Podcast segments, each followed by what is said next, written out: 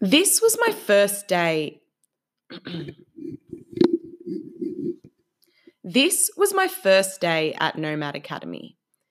The man you hear speaking, the man you can hear speaking is Ziga. He is one of the founders of this awesome program. The first day was special because it was here that Ziga announced that essentially he was going to be using the he was going to be using the next few months the course he created the first day was special because it was here that Ziga announced that essentially he was going to be using the next few months the course he and his team had designed to figure out his next move. That's right. The man who founded, that's right, one of the co founders of this new aged way of transforming your career was too lost and was looking to move on to the next thing. That honesty and transparency on day one really set the tone for the rest of the trip. But before I dive in too deep there, let's get back to these questions and how they actually led me to quit my job and apply for this, well, crazy adventure. It's funny because when I first started answering these questions, and I really set myself this challenge. I felt dumb.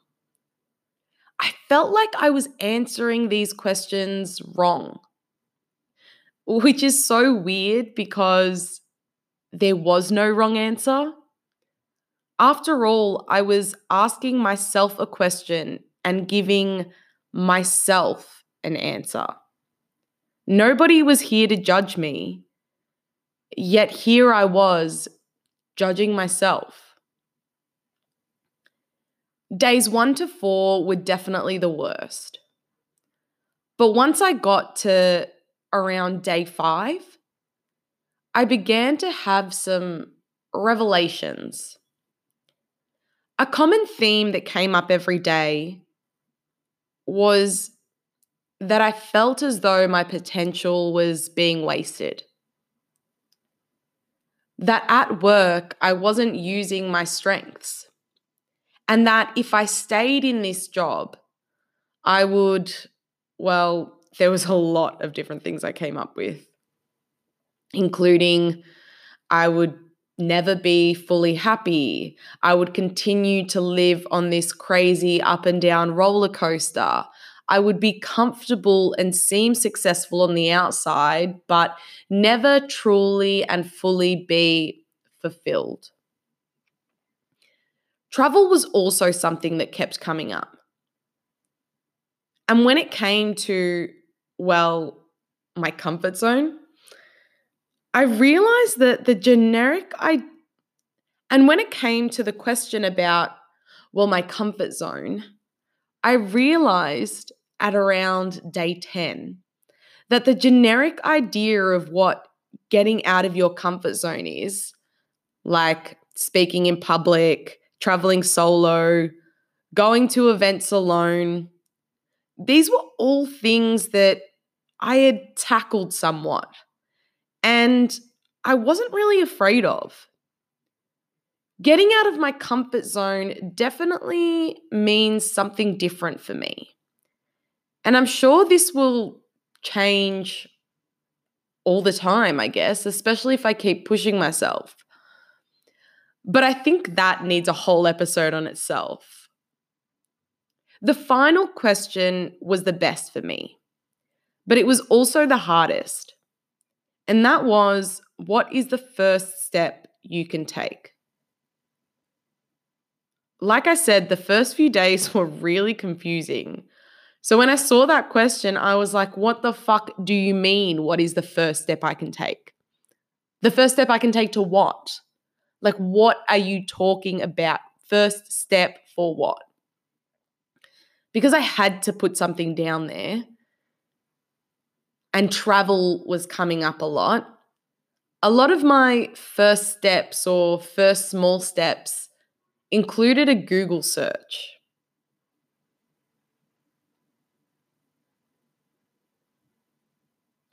Day one, I started researching where I wanted my next travel destination to be, since travel was popping up a lot. And the rest of the days pretty much followed quite similar.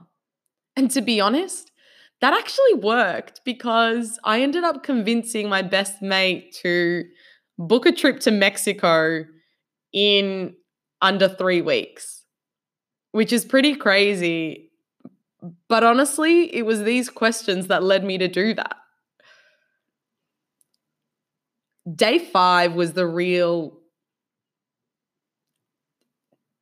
Day five was the day, though. Day five was the day I decided I needed to do something I'd always wanted to do. Something I had warned my parents about from young. And that was to live abroad for a year. I'd always imagined this would have been done for me during my time at uni.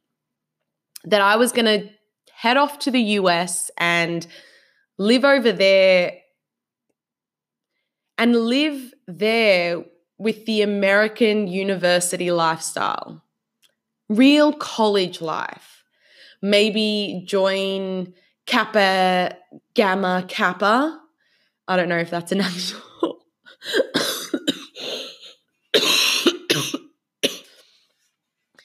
I had always imagined this happening for me during my time at university. And it was actually one of the reasons why I chose to study at Deakin, because I wanted to study abroad in the US for a trimester or a year. I wanted to live that American college life. Maybe join a fraternity, not a fraternity, maybe join Kappa Gamma Kappa and find my sisterhood um, or go to a frat party. but the trouble for me was my university grades fucking sucked. So that wasn't a reality for me. They actually would not let me go. They were like, listen, hun, your grades aren't great. You need to sort yourself out. So I thought my time had passed, that this probably wasn't going to be a reality for me. But on day five, after answering these questions and seeing travel be something that continued to come up, and I was really considering the question what is the first step you can take? I decided to begin looking up programs that would allow me to study abroad or to work abroad or to live abroad. Things like au pair work, which is being a nanny abroad, volunteering, teaching English. I even started looking into potential jobs I could do. Researching things like what are the best jobs you can do abroad as a digital marketer?